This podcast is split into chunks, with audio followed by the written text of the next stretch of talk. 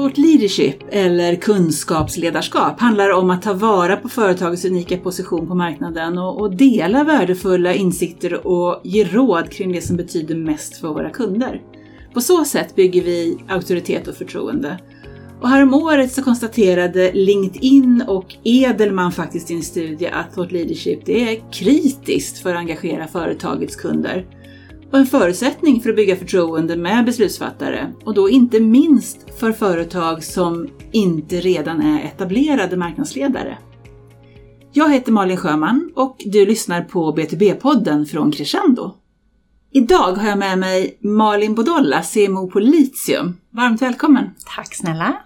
Och Litium är ju ett spännande mjukvarubolag som utvecklar och säljer en molnbaserad, en SaaS-plattform för digital handel. Mm. Och, och, vi på Crescendo har haft förmånen att jobba tillsammans med er i, i det är tiotal år nu. Ja. Faktiskt. och du Malin, du har ju lång erfarenhet, mer än 20 års erfarenhet av marknadsföring och ett starkt track record där på att utveckla traditionella marknadsorganisationer och fokus på digitalisering och på att bli mer datadrivna. Och, och för att skapa tillväxt. Ja. Och du har haft ledande roller i många spännande företag, inte bara Litium utan du har varit aktiv på både LinkedIn och Adobe och Klarna sedan tidigare. Mm. Och baserat på dina erfarenheter och tankar så ska vi idag zooma in på två saker. Dels då hur man som scale-up-företag kan bygga en thought leadership-position med hjälp av insikter och content. Och så kommer vi också få ta del av några av de insikter som ni på Litium har samlat på er genom åren kring digitala B2B-affärer. Mm. Spännande! Ja, verkligen. Men om vi börjar från början. Mm. Thought leadership eller kunskapsledarskap som, som jag väljer att kalla det på svenska. Vad är det för dig och, och varför är det viktigt för Litium och B2B-företag, tror mm. du? Nej men om vi börjar lite, du var ju inne lite på definitionen, liksom vad det är för någonting. Men för mig så är det ju inte bara att man är en expert, utan att man verkligen liksom skapar nya, eh, att man liksom utmanar, man tänker nya banor, man ligger i framkant och att man liksom driver någon sorts utveckling eller en tanke genom liksom nya datapunkter, mm. insikter eller information eller ett sätt att se på saker och sådär. Att man inte bara tumlar om befintliga insikter. Nej, exakt. Man ska inte bara sammanställa Nej. det som redan finns, utan det gäller att lägga på något lager av insikter, nytänkande eller, eller så vidare. Liksom, där det ändå finns liksom någon sorts förflyttning man vill göra. Mm.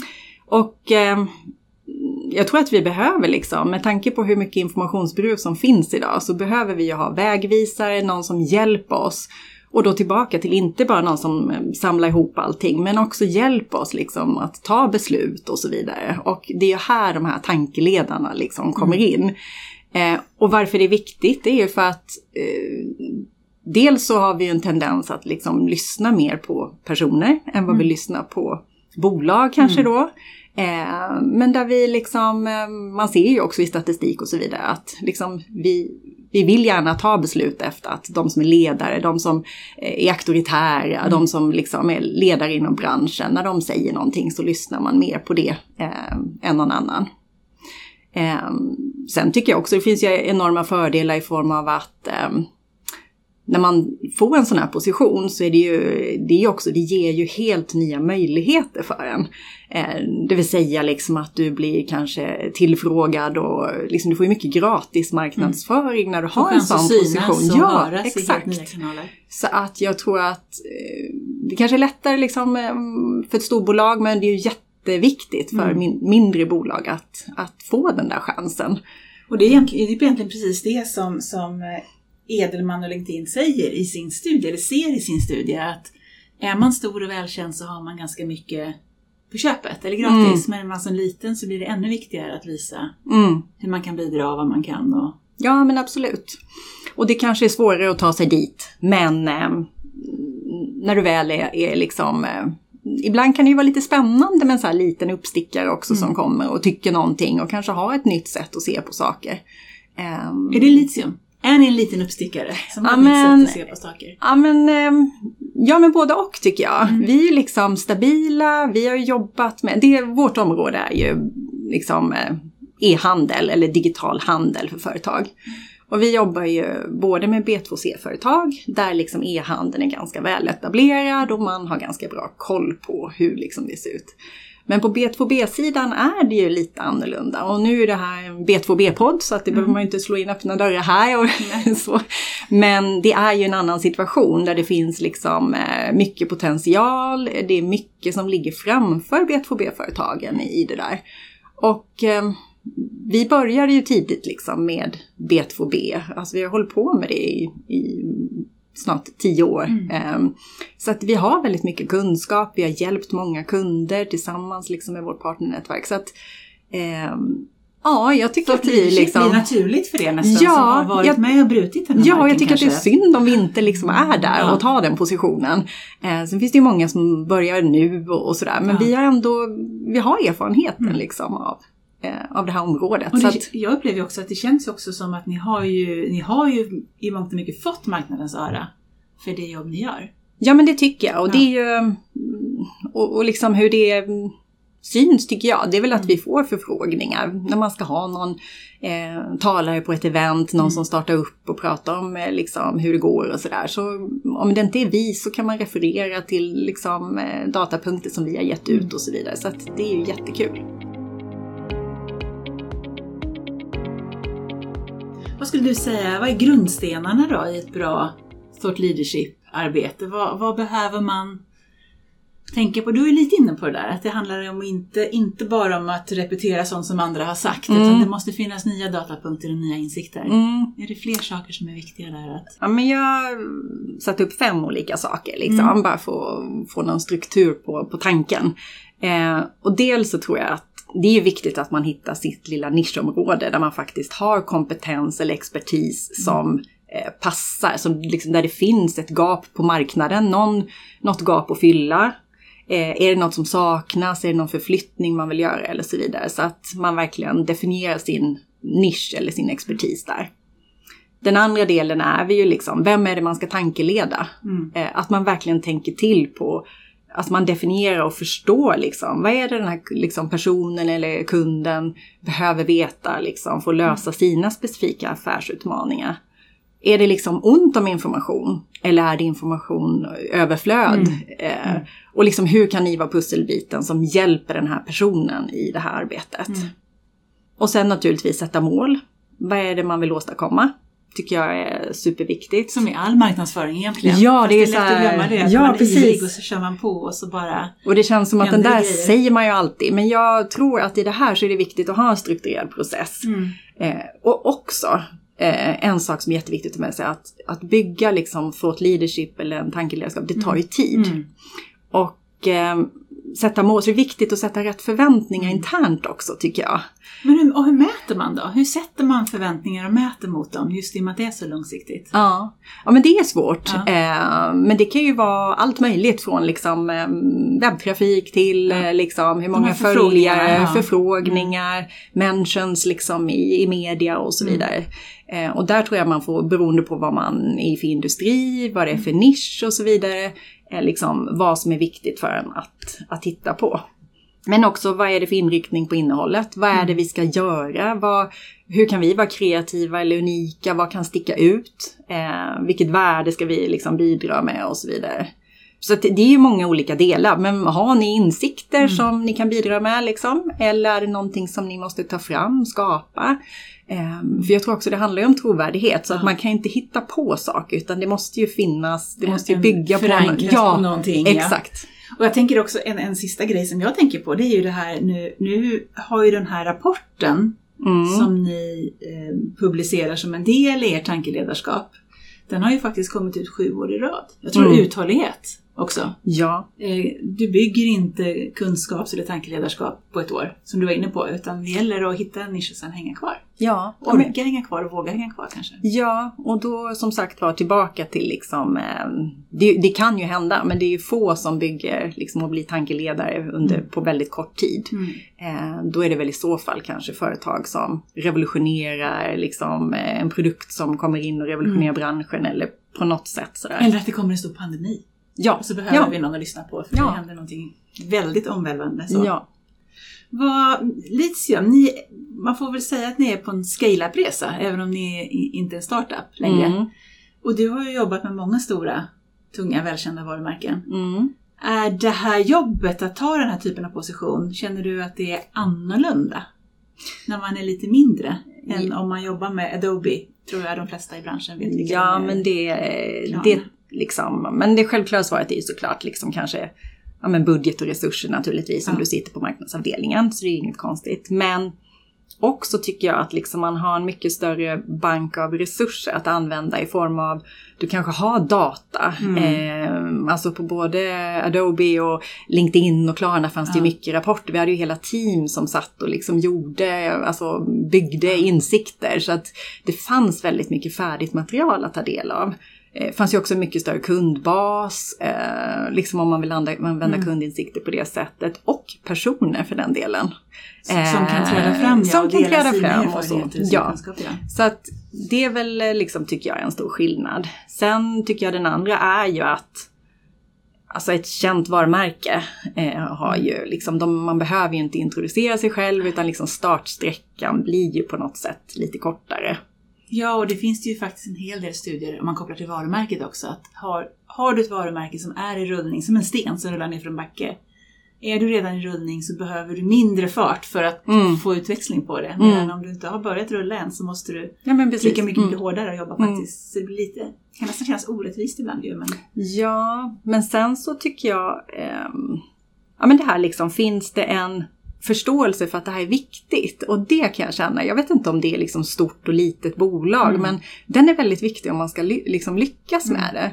Det finns ju i, i, ett, i ett bolag liksom där ledningen verkligen, verkligen vet att det här är något vi ska satsa på så är det ju mycket lättare att jobba med det än om man känner att nej, det är ingenting vi ska liksom hålla på med. Men dit har ni väl kommit? Ja, Under, absolut. under resans Ja. gång? Genom... Nej men vi tycker att det är jätteviktigt. Ehm, nej men alla är verkligen med på det tåget och vi, det är ett viktigt mål för oss som Mm. bolag, absolut. Och alla bidrar på sina olika sätt till det. Du var inne på det här att vi, vi som människor vill lyssna på människor snarare Mm. än företag och varumärken. Hur tänker du där kring thought leadership då? Är, är, kan Litium vara en thought leader eller är det Malin Bodolla eller er försäljningschef eller er produktchef som är kunskapsledaren? Kan man, Ja. hur, hur mixar man där? Nej men det är en bra fråga för som sagt, vi tenderar att lyssna mer på människor än på ett bolag.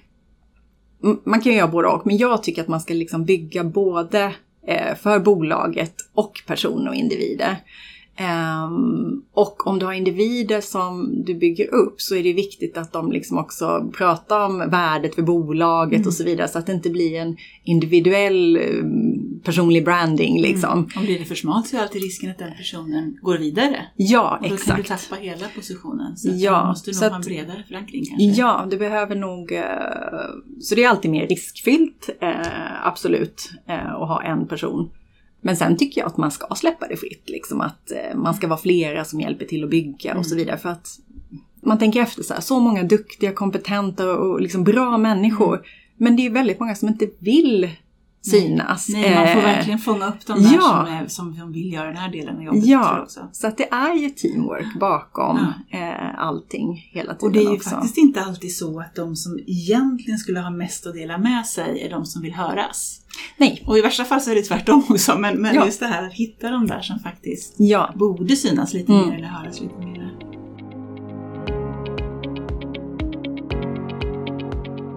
Jag har redan spoilat det här med, med att eh, ni jobbar med den här rapporten Mm. mycket. Mm. Som ju nu heter Nordic Digital Commerce in B2B. Mm. Som från att ha varit, haft bara ett smalt fokus på svenska marknaden nu täcker in Norden. Ja. Och att den nu har kommit ut för sjunde året i rad. Mm.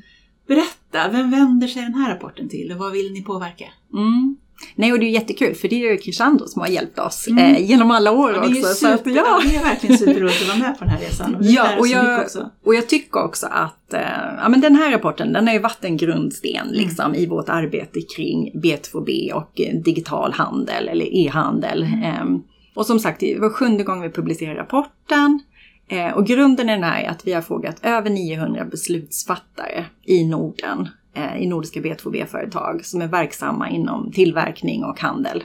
Där det finns produkter helt enkelt? Ja, precis. Fysiska produkter? Ja, ja, exakt. Och den visar liksom på hur ser det ut nu? Hur tänker man kring framtiden? Vi ställer frågor kring liksom, vad är drivkrafterna till att göra den här förflyttningen? Vad ser man för resultat? Och liksom, vad är anledningen till att man då kanske väljer att inte satsa och så vidare. Och eh, sen har vi ju liksom år efter år sett då hur det här förflyttar sig framåt. Så det är ju superintressant. Eh, och jag tycker att den, liksom, den har etablerat sig på marknaden mm. eh, på ett fint sätt. Och där är väl tillbaka till att liksom, det, är en, det är en rapport som återkommer. Det är någonting man, eh, man förväntar sig att ja, den ska Ja, man väntar ju ja. på den. Ni har ju partners och, och, till och med kunder som frågar ja, efter den när det börjar närma sig. Vi brukar, den kommer ju ut oftast i april-maj då. Mm. Så att redan vid årsskiftet brukar det ju komma in förfrågningar varje år. Och vi har ju faktiskt rätt så många som signar upp sig redan innan lansering för att liksom de vill eh, säkerställa att de får den direkt när den mm. kommer ut och sådär. Så det är jättekul. Det är verkligen roligt. Vi har ju haft två andra inbitna B2B-handelsmänniskor här. Christer Pettersson och, och Niklas Helgesson och båda har ju vi har pratat om den här rapporten med båda de två också och delat mycket av det, de insikterna som finns mm. som, som, speglar även den världen de upplever. Så det är spännande. Mm. Det blir ytterligare en, ett proof på att den har, har tagit sin plats i branschen tycker ja, jag. Ja, och jag tycker också att dels så är det ju så här, alltså det är flera liksom målgrupper för oss. För mm. dels så är det ju att vi använder den som en ja, men så här, leadsgenererande, mm. Eh, liksom där vi når potentiella kunder. Man kan titta på ja, men hur går det? Vi kan ha en diskussion kring, liksom med dem. Hur, mm. hur ser du det? Liksom, man kan benchmarka sig mm. lite mot hur det faktiskt eh, ser ut. Liksom. Eh, men det är också branschkollegor som kan, liksom, eh, kan hjälpa till och liksom, mm. ja men det här är ett område som flyttar på sig och så vidare. Allt till att vi har universitet och skolor som mm. faktiskt använder den till att ja men det här är ett fokusområde, vi borde skapa liksom utbildningar, vi borde ha inriktning B2B nu på e-handelsutbildningen och så vidare. Så att, det tror jag. Därför, ja. I, I och med att det är mycket sånt som du säger som ska hända. Ja men det är mycket så, som är på gång och därför är det nog viktigt att det kommer en rapport som är återkommande och så, ja. där man faktiskt kan se eh, det är svårare att jämföra när det är en ny rapport. Ja. Liksom. Det är ny, ett nytt underlag och så vidare. Så det blir ju en konsekvens i det här. Liksom. Men där tycker jag också ni har varit duktiga att i utrullningen av rapporterna och insikterna att bjuda in branschen. Mm. Jag vet ju att nu, har du, nu kör du en serie skrivna intervjuer med olika bransch, branschtyckare mm. och branschmänniskor som får mm. kommentera. Och tidigare har vi jobbat med kunder som har fått kommentera rapporten och, och det här att det är inte bara det är inte bara Litium som skickar ut en stor enkät utan ni involverar ju branschen mm. i lanseringen. Ja, och där är det ju blandat. Det är ju dels att liksom vi gör ett jobb och ställer frågan, mm. men det är också många som gör det på eget initiativ och liksom ser att andra gör det och sådär. Så att den har liksom börjat, den tar plats själv nu. Mm. Eh, vi har kommit dit. Mm. Så det är jätte, jättekul. Eh, jag vet att ni har ju några partners som, som nästan hänger på låset och kommer med sin egen referat ja. några timmar efter att den är släppt och har läst den och ja. kommenterat den. Det är ju super, superroligt. Men du, vad, vad, är de övergripande slutsatserna som, som ni lyfter fram i rapporten? Vad, vad, vad är dina största findings eller learnings mm. från studien?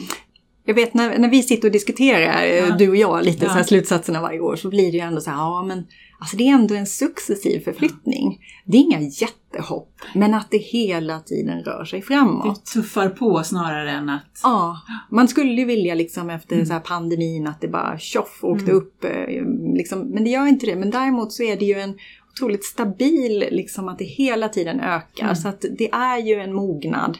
Och Nordiska B2B-företag fortsätter verkligen satsa på den digitala mm. affären. Och det vi såg, vi, varje år så väljer vi lite nya ämnen och sådär. Mm. Eh, och i år frågade vi naturligtvis om lågkonjunkturen, mm. hur har den påverkat? Eh, I och med att en B2B-affär är oftast, eller den kan vara lite mer långsiktig och så vidare, det är en annan liksom affärsmodell. Mm. Men då är det också otroligt kul att höra att det var ju bara 4% av de här 900 personerna som svarade i rapporten som säger att man kanske kommer att minska sina satsningar. Mm. Så att flertalet... En ganska stor grupp som faktiskt säger att vi ska gasa oss ur ja, lågkonjunkturen eller vi ska ja. satsa mer på de digitala kanalerna för att möta lågkonjunkturen. Ja, så att det känns ju också som att det här är liksom, det händer nu och det växer hela tiden. Sen brukar du ta upp också det här med att, att digital handel kan vara ett superbra sätt när man vill internationalisera. Ja, och det ser vi också i Mm. rapporten. Det är många som säger att eh, man ser det som att man kanske vill testa en ny marknad och innan man då etablerar sig med ett eh, liksom säljpersonal och ett kontor och så Mm. vidare så kan man faktiskt testa digitalt. Se vad som fungerar, man lär sig väldigt mycket. Och eh, det som är fint också är att man får in väldigt mycket data som man då liksom lär sig av också. Och eh, innan man liksom gör för stora investeringar. Så att det är väldigt tydligt i rapporten att det är många som pratar om det. Mm.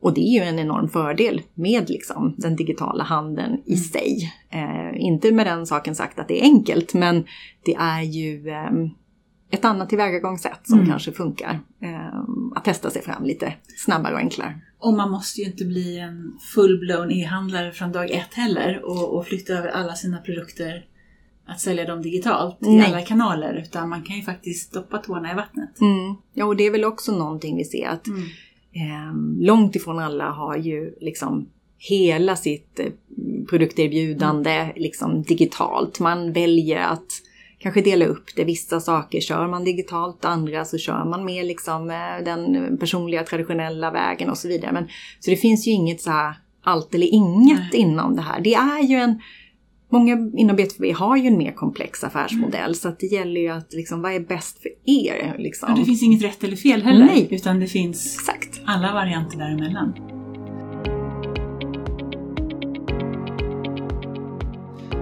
Varför, varför är det här viktigt att berätta? Varför, varför vill ni samla det i en rapport och kommunicera det? Förutom att fånga med leads. Ja, precis. Nej men alltså vi är ju ett jättestort skifte Mm. eh, i hur B2B-företagen ser sitt erbjudande och egentligen sin go-to-market. Och generellt sett tycker jag många företag är väldigt duktiga på automation av liksom interna processer och, som produktionen och backend-processer. Men man kanske ligger lite efter vad det gäller produktförsäljningen liksom, och kundresan i vissa fall. Eh, inte alla, men ibland märker man ju att de gärna vill liksom, eh, förändra sig där. Ja, men också att man traditionellt ofta man har, har, man har haft Säljkårerna har varit starka och man har, man har haft väldigt mycket förtroende Mm. för säljarna och, och lagt väldigt stor mycket på deras axlar att faktiskt både äga och vårda hela kundrelationen. Ja, men det är ju lite så här också att mm, allting håller på att förändras. Så spelplanen är under förändring och kraven ökar. Så att ska man hålla sig konkurrenskraftig över tid så gäller det nog att hålla sig uppdaterad och förstå möjligheterna och också påbörja den här digitala resan. Och, eh, för vi ser ju också att de som har påbörjat, de är oftast snabbare på att förflytta sig framåt i den liksom digitala världen när man väl har kommit igång. Mm. Vilket gör att det känns viktigt att nordiska företag kanske liksom påbörjar det här för att inte missa chansen. Så att vi liksom behåller industrin liksom Ja, ja, eh, precis. lokalt på något sätt så är det ju så att och sen så tycker jag också att det är jätteviktigt att man liksom benchmarkar lite för att ha koll på sina konkurrenter. Ehm, ja, Mm. så det, jag tycker att det är viktigt och det känns också otroligt kul att dela med sig Mm. eh, av de här insikterna. Och det vi ser i rapporten också är att Mm. liksom, det är så många som vill dela med sig av det de faktiskt har lärt sig. Mm. Eh, så i rapporten i år så var det ju till och med så här, vi fick ihop ett helt kapitel bara av tips och råd Mm. och idéer som de här liksom, eh, personerna gav eh, till oss. Liksom. Precis, och vi har ju faktiskt gjort en, en, eh, en spin-off-guide för några år sedan just också så vi samlar ihop råd från de som då hade kommit en bit på väg Mm. till de som precis ska börja. Mm. Så, och jag tror att det är både en generositet men också en liten stolthet. Ja, Man är lite stolt över att man har kommit igång och tagit Mm. de första stegen och, och tycker det är kul och spännande att Ja. dela med sig. Ja, och det är ju ett nytt område. Det är det är ett kul område också. Och sen ser vi också lite på resultaten att eh, man ofta ser att ett resultat är att kundnöjdheten ökar. Jag tror inte att alla liksom förväntar sig det. Nej, för man drar ju igång satsningarna ofta av interna skäl. Mm. Man vill jobba mer effektivt och man vill rationalisera nästan hur man säljer och, och så blir kunderna nöjdare på köpet. Mm. Och det är väl också ett tecken om något att det handlar ju inte bara om att vill vi sälja digitalt eller inte? Utan det handlar mycket mer om vill våra kunder faktiskt kunna köpa av oss digitalt Mm. också? Ja men så är det ju. Och sen tycker jag en annan sak som ändå kan vara värd och, och det har ni säkert diskuterat här i podden. Men det är ju tillbaka till liksom att det behöver ju inte vara den här köpknappen. Man Nej. kan göra så mycket digitalt Mm. utan att man kanske gör, genomför själva köpet. Mm.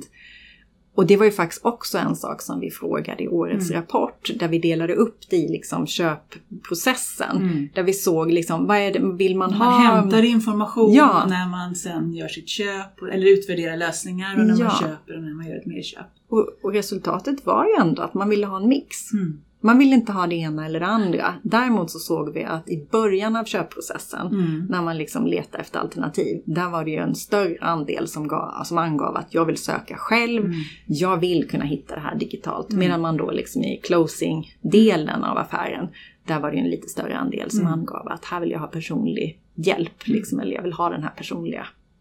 Så att det finns ju inte, det är inte svart eller vitt Nej. utan en, en, en mix av båda. Mm. Och det är ju unikt för varje bolag att hitta vad, vad deras perfekta mix är. Liksom. Mm. Och det skulle också betyda att om mitt bolag inte har kommit igång och inte kommit så långt så, kan jag, så behöver jag igen inte ta det här stora megaklivet och bli Nej. en Tingstad eller en Dustin imorgon utan jag kan lägga mig någon annanstans på skalan. Och så Mm. kan jag se, som du säger, börja samla in datan och se vad som händer. Mm. Vilka resultat ser ni då, på litium, av de här sju årens trägna arbete med rapporten? Alltså den här rapporten den är ju eh, liksom vår stora contentbas eller vad man ska säga för hela året. Eh, så vi använder ju den här för att skapa så mycket innehåll och material och så vidare. Så den ger ju både det, eh, liksom att vi får ett fördjupat samarbete med partners var vi inne på liksom och de använder ju den här rapporten i sitt arbete. De gör ju mycket liksom eh, skapa leads utifrån liksom att man gör events och webinars och så vidare.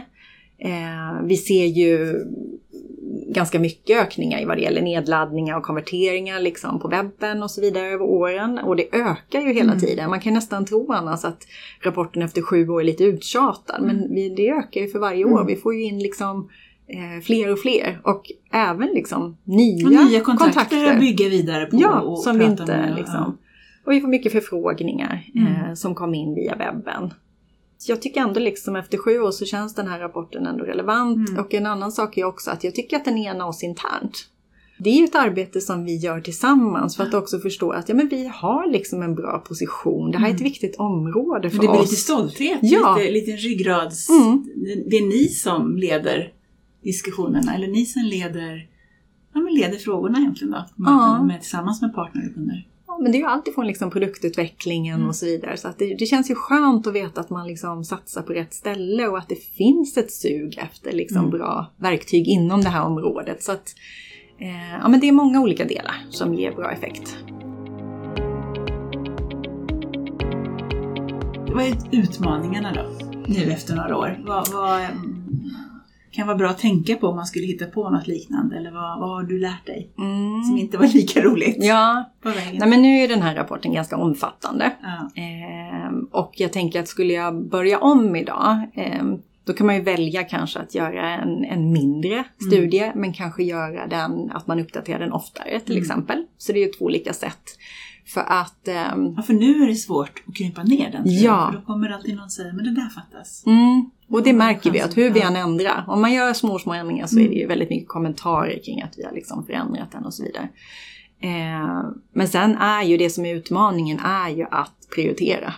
För Mm. att när man börjar jobba med det här så ser vi ju hela tiden, Mm. nej, men vi skulle, det här skulle vara intressant att fråga. Och det man, här, kan, man kan nöda ner sig i datan också. Vi lyfter ju fram mycket data i rapporten men det finns ju väldigt mycket mer. mm, Jag vågar nästan inte säga för då kommer det Nej. frågor på allt det där som, som inte... Nej men det finns ju så mycket både att fråga men också mycket slutsatser bara av det som vi har frågat. mm. Och jag tycker att utmaningen är där lite, och det har ju du också varit Mm. på oss lite, att det är ju aktiviteterna man gör efter sen också Ja. som faktiskt gör den stora skillnaden. Och det är där man behöver liksom se till från början också att man avsätter både tid Mm. och resurser liksom för att verkligen kunna sprida den. Mm. Eh, och inte bara precis när den har lanserats utan liksom under lång tid. Och bygga nytt content utifrån Mm. den. Eh, och, ta, och vi, vi har ju verkligen fått ihop så mycket olika saker och jag tror att vi kan göra mycket, mycket mer. Absolut, det tror jag också. Men det är en Eh, resursfråga. ja, det är ju- som man har så Man många måste timmar man har. men det kan jag väl tycka liksom att, och ett råd där är väl så här, vissa frågor har ju vi ställt som, då har vi fått ta bort det området för att det kanske inte förflyttar sig så mycket år över år. Eh, och då har vi tagit bort det något år så kommer det tillbaka mm. för att då kan man jämföra den frågan kanske vartannat år mm. eller var tredje år. Men även av respekt till de som ska svara på enkäten, för man kan inte förvänta sig att de sitter i timmar heller. Nej. Inte bara den slutliga produkten utan eftersom vi är så måna om att få in kloka och bra svar. Och sen också ska man ju hinna ta hand om all den här, allt man tar in också. Mm. Så att, ja, men det är ju bra för en själv också att fundera på vad är viktigast? Mm. Vad är det vi verkligen? Men, men behålla vissa kärnfrågor så att det är den här jämför, mm. att man liksom man år efter år. Man kan se utvecklingen mellan mm. åren. Vi var ju inne på det här mellan om, om individuellt tankeledarskap eller om hela organisationen. Mm. Hur, hur får man med sig organisationen om man nu vill bygga en gemensam thought leadership-position. Hur, hur, ser du till att det här inte är Malins insikter mm. och Malins rapport och Malins kunskapsledarskap, utan hur? Ja, men det gäller ju att planera och ha ett strukturerat arbetssätt. För jag, min känsla är så att de flesta vill, tycker att det är jättekul och vill mm. vara med och bidra och sådär. Men sen är det ju då, framförallt om man är i en startup eller en scale-up, mm. alltså alla har ju väldigt mycket på sitt bord. Mm. Så att det är oftast inte att man inte vill, det är väl kanske det att prioritera mm. tiden. Hitta timmarna ja. Så att jag tycker liksom att men jag tror att det är jätteviktigt också att sätta var man vill att folk ska vara involverade och liksom mm. bidra. Men var det också är liksom lite stängt för ja. Eh, fler input. För annars är det också risk att det aldrig tar slut mm. om, om man liksom alla är involverade hela tiden. Mm. Um, så att göra en tydlig planering där.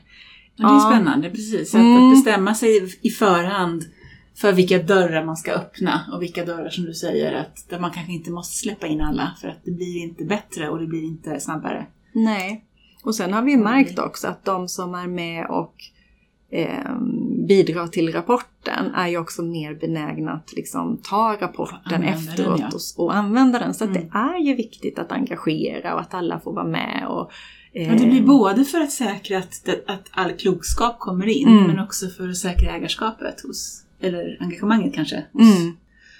Om, man, om du skulle ge dina bästa råd till ett BTB-företag, stort eller litet, som vill jobba med thought leadership? Nej men se till att starta diskussionen tycker jag, mm. alltså eh, internt. Alltså att man kommer igång. Eh, för ofta har man ju inte en helt klar bild och jag tror att det är just där man behöver mm. få input från olika delar av organisationen. Men också ja, men så här, prata med kunderna, titta på marknaden och så vidare. Men jag är säker på att det liksom finns någon sorts gap som man känner att men det här, här är ju vi en spelare, här, det här kan ju vi fylla eller så.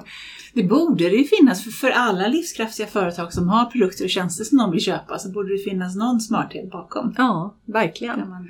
Ehm, och sen tycker jag liksom kolla hur andra har gjort, eh, ta hjälp. Mm. Eh, alltså det finns jätteduktiga byråer som mm. man kan ta hjälp av. Mm. Eh, ja, men jobba med liksom olika typer av influencers mm. och så vidare. Man behöver liksom inte känna att man ska göra det helt på egen hand heller utan att man, man tar hjälp. Det här är roligt för det här har kommit tillbaka i många, oavsett vad vi har pratat om i BTB-podden, vi har haft många kloka marknadsförare här det kommer ofta tillbaka till det där, försök inte göra allt själv. Försök inte förflytta berget själv eller försök inte göra allting själv för mm. att det, det, du kommer inte palla och det kommer inte bli bäst. Nej, men sen så tycker jag faktiskt den sista eh, liksom, grejen som jag skulle säga, det är så mm. att våga. Jag tycker att eh, liksom, det är fint att vara ödmjuk och allt det där, men kanske också ställa krav på sig själv. Men vad, vad har vi för plats att fylla? Mm. Och liksom våga ta en plats och liksom sticka ut hakan lite. Och, mm. Så att jag, jag, tycker ändå det där våga. Jag tycker att många inom B2B är väldigt ödmjuka mm. och liksom nej men vi, vi har inte mm. liksom, vi har inte kommit så långt och så Sträck, vi ska sträcka på ja, oss Ja, vi ska sträcka på oss och vara stolta för det som, som vi har gjort. Mm. För att inom många branscher så är det ju, det är liksom inte ett upptrampat, eh, en upptrampad stig utan man får jobba ganska mycket för att få saker att hända. Så att jag tycker att det ska vara mer liksom, stolta över det ni har mm. åstadkommit mm. men våga liksom sticka ut hakan och se till att driva det som ett kul projekt. För det enar ju också bolaget kring eh, riktning och viktiga eh, frågor, viktiga frågor ja. passion, visionen mm. liksom. Ja. Men underbart, vilken, alltså, vilken bra summering att, mm. att eh, ta sig kraft, ta tid att lyfta frågan, börja fundera på det. Att hjälpas åt, samla kollegorna, prata med kunderna och se vilka möjligheter som finns. Och sen så go and guts. Mm. Att sträcka på sig och vara stolt över det man kan och ta, dra nytta av det i kommunikationen också. Och börja Mm. ta, ta plats på marknaden helt enkelt. Mm, det tycker jag. Superbra. Stort tack Malin för att du har varit med idag. Tack själv. Värdefullt som alltid. Och du som lyssnar har lyssnat på BTB-podden från Crescendo. Du hittar fler avsnitt och mer inspiration för din BTB-marknadsföring på crescendo.se. Och du kan prenumerera på podden och ge den betyg i din poddspelare. Och glöm inte att följa Crescendo på LinkedIn.